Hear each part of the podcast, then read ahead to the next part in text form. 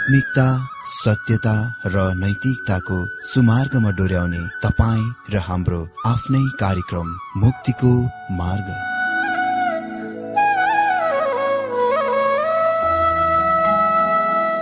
आदरणीय श्रोता यस मुक्तिको मार्ग कार्यक्रममा हार्दिक स्वागत छ।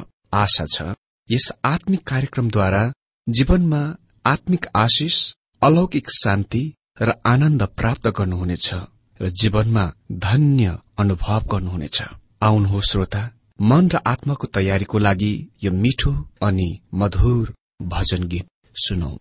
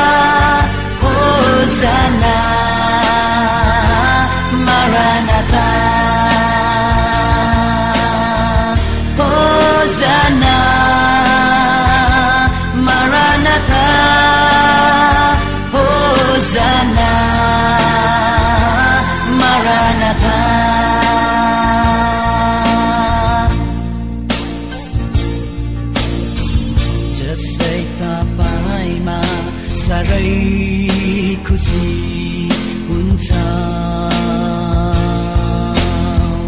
जसै तपाईँमा हृदय रमाउँदछ।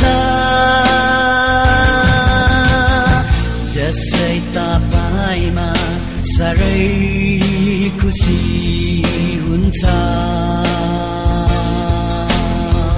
जसै तपाईँमा हृदय रमाउँदछ हर्षको तेल खन्याउनुहोस्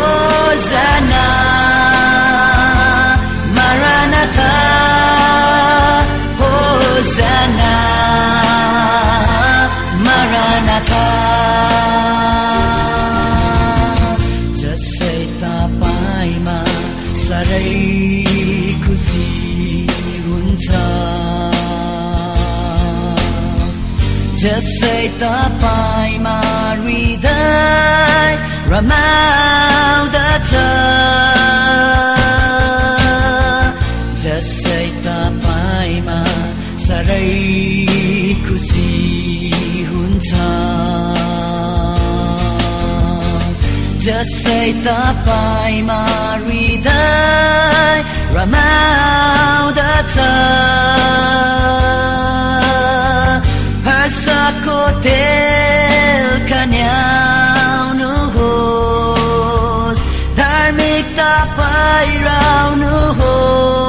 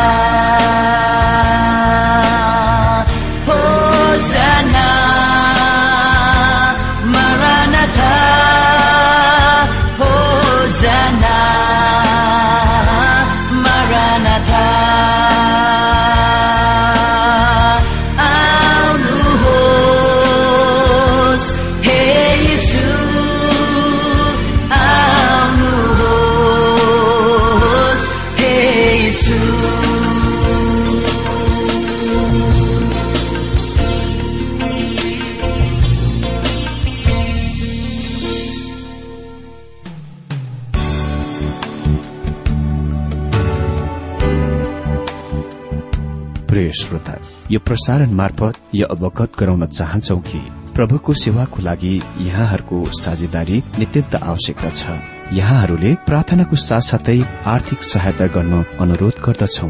तपाईँहरूको सानो भन्दा सानो भेटी किन नहोस्? हामी प्रभुको नाममा स्वीकार गर्नेछौ। प्रभुको सेवाको लागि। तपाईँहरूको यो सानो लगानीले कसैको जीवनमा भिन्नता ल्याउँछ? अनि प्रभुको महिमा हुन्छ। प्रभु तपाईँहरूलाई महान गरी आशिष दिनुहुनेछ।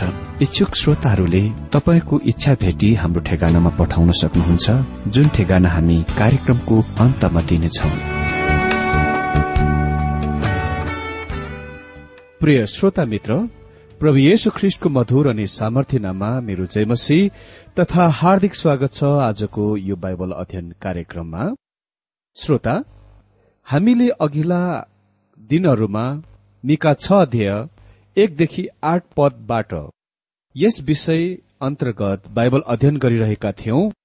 भूतकालमा छुटकाराको कारण वर्तमान प्रस्तावको लागि बिन्ती निवेदन। आज हामी यही विषयलाई छ अध्यय नौदेखि सोह्र पदबाट निरन्तर जारी राख्नेछौ।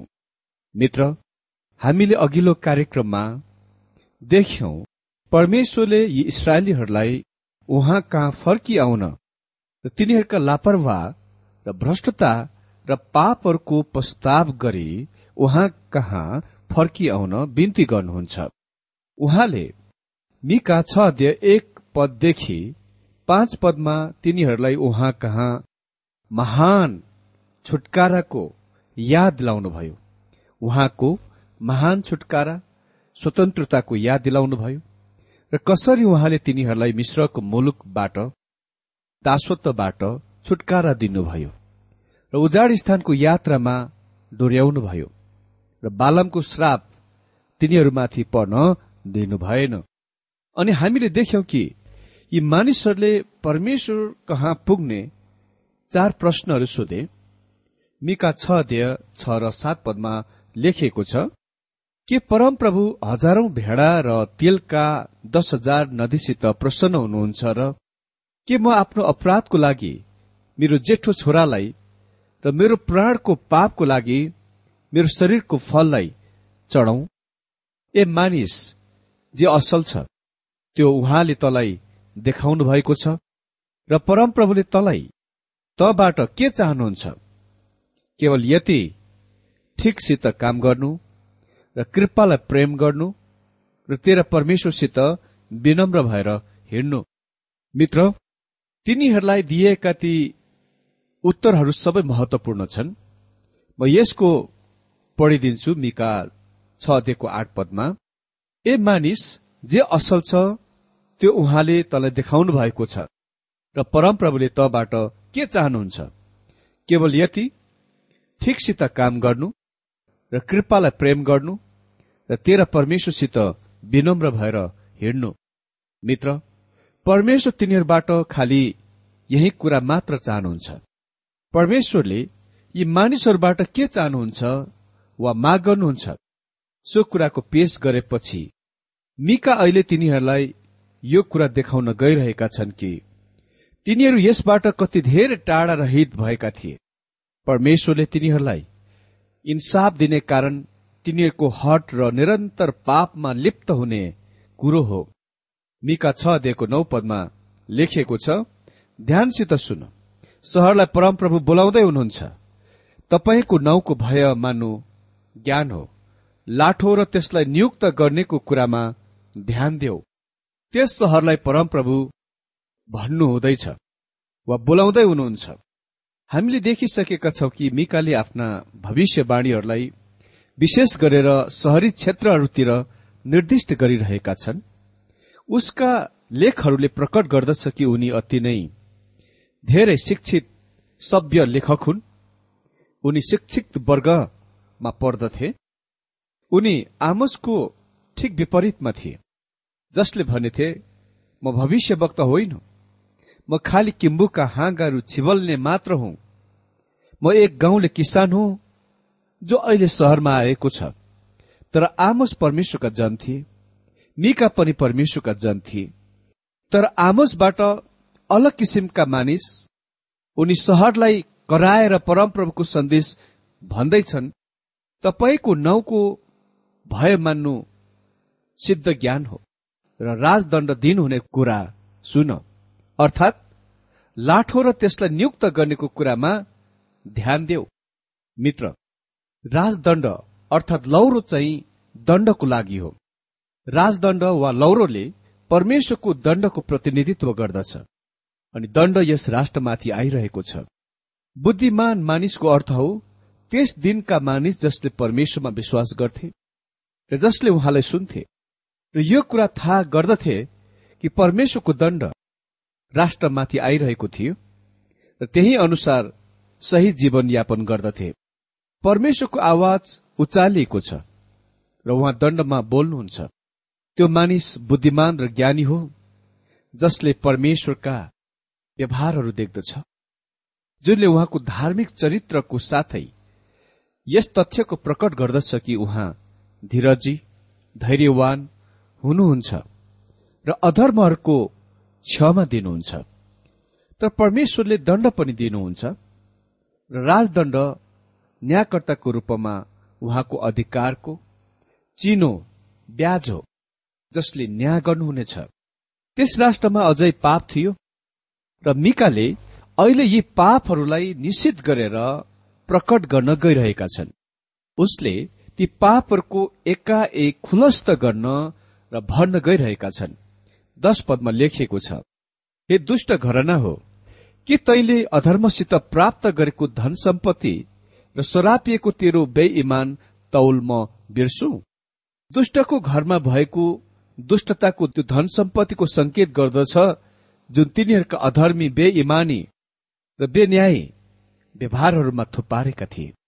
एघार पद के कपटको तराजु र छलका ढकले थैलो राख्नेलाई म निर्दोष तुल्याउ यी धेरै मानिसहरू मन्दिरमा भेटीहरू लिएर आइरहेका थिए र धार्मिक विधि विधानहरूका पालन गरिरहेका थिए।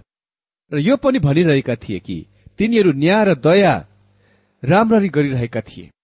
तर पूरा हप्ताभरि चाहिँ तिनीहरू के गरिरहेका थिए?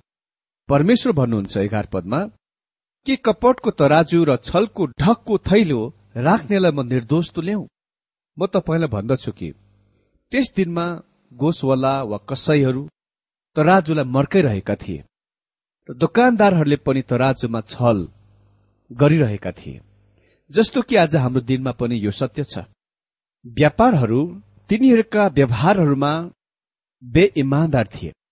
उहाँ भन्नुहुन्छ एघार पदमा? के कपटको तराजु र छलको ढकको थैलो राख्नेलाई म निर्दोष तुल्याउ तिनीहरू पूर्ण रूपमा दुष्ट शोषकहरू थिए। तिनीहरू लोभी लालची थिए।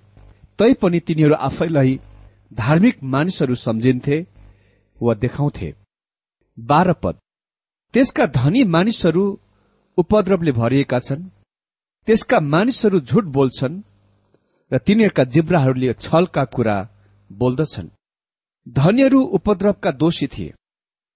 तिनीहरू झुट्टाहरू थिए। तिनीहरू धोकेबाजहरू थिए। तपाईँ तिनीहरूलाई विश्वास गर्न सक्नुहुन्न थियो। के यो विश्वका सम्पूर्ण राष्ट्रको तस्विर होइन र? मित्र हामी आज समाचार माध्यमहरूलाई विश्वास गर्न सक्दैनौ। हामी राजनीतिज्ञहरू र पार्टीहरूलाई विश्वास र भरोसा गर्न सक्दैनौ। चाहे तिनीहरू जुनसुकै पार्टीका हुन्। अनि आजको दिन यो समय हो व्यापारीहरूलाई विश्वास गर्न कठिन छ।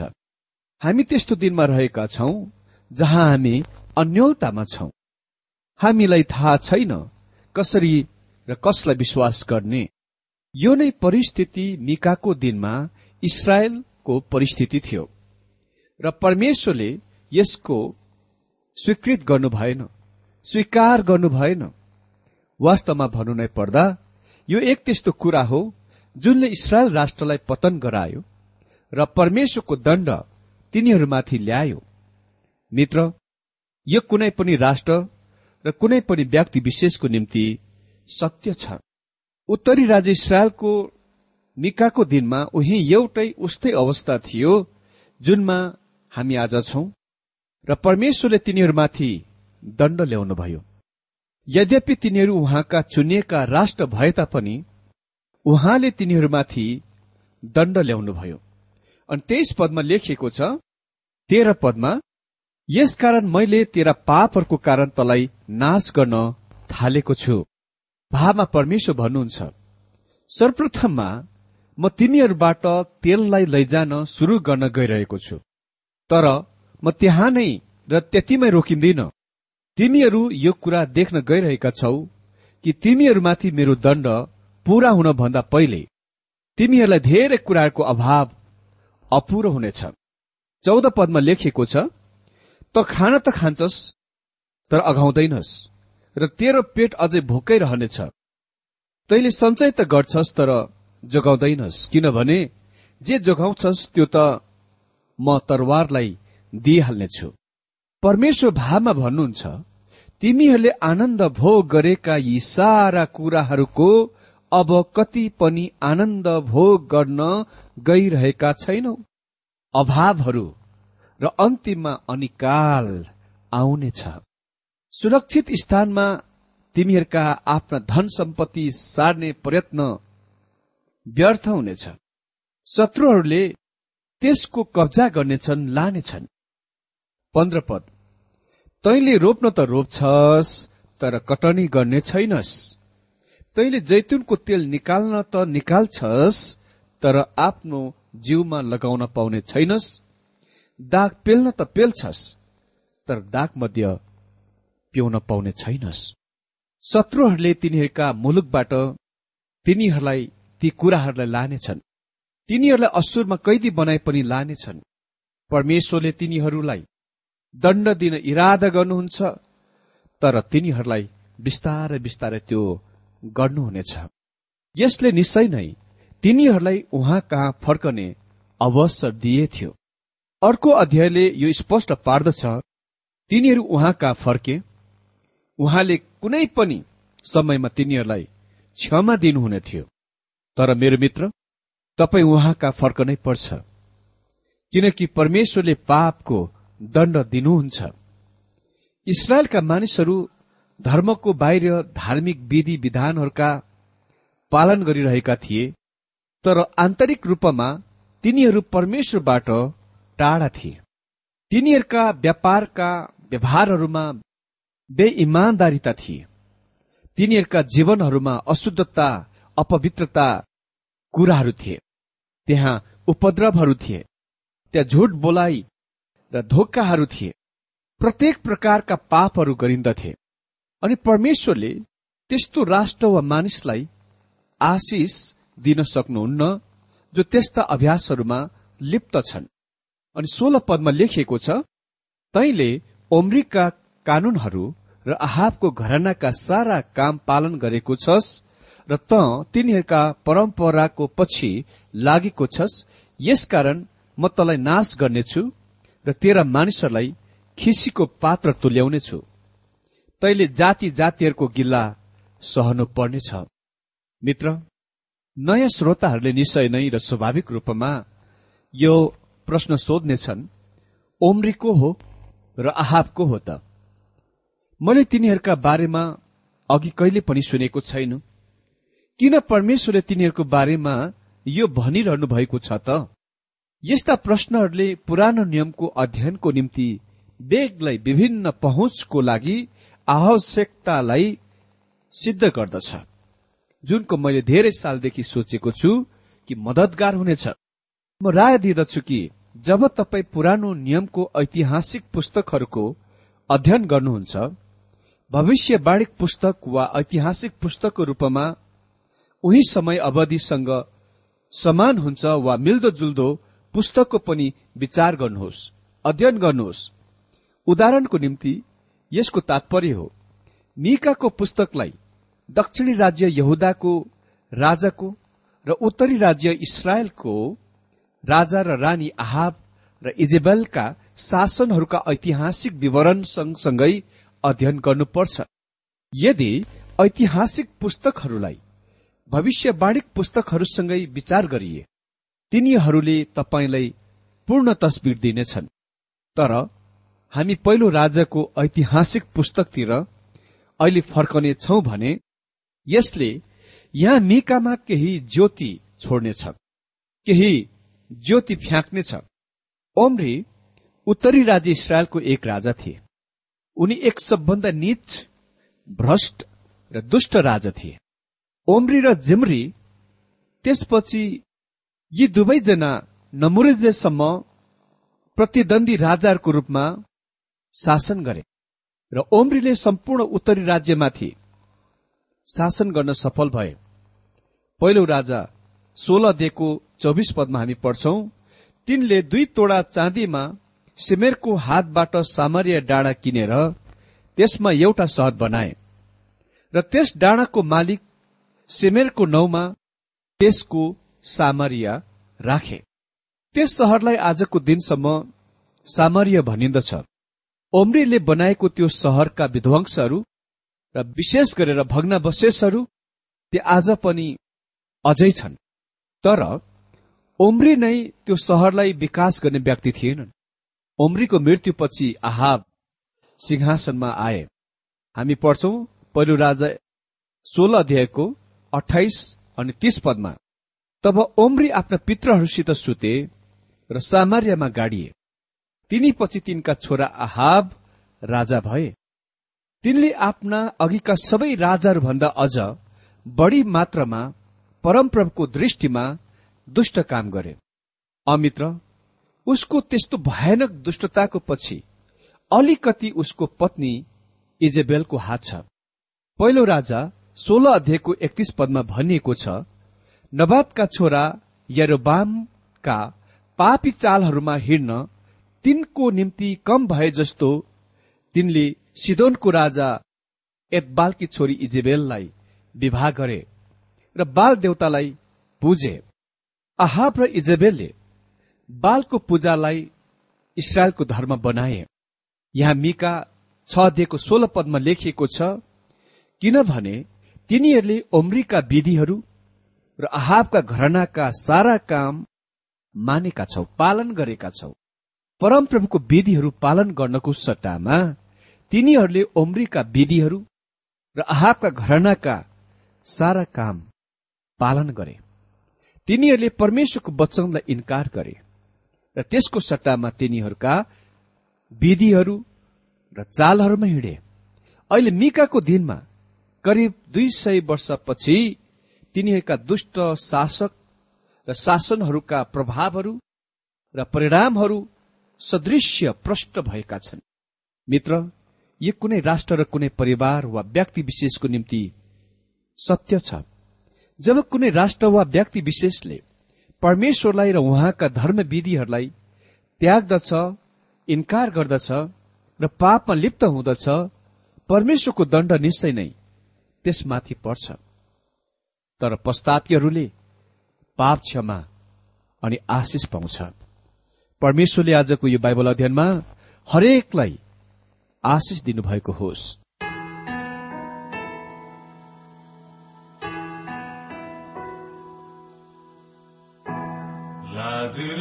बलिदानको रगतले मेरो हृदय छुन्छ। कसले बुझ्न सक्छ जीवन दिने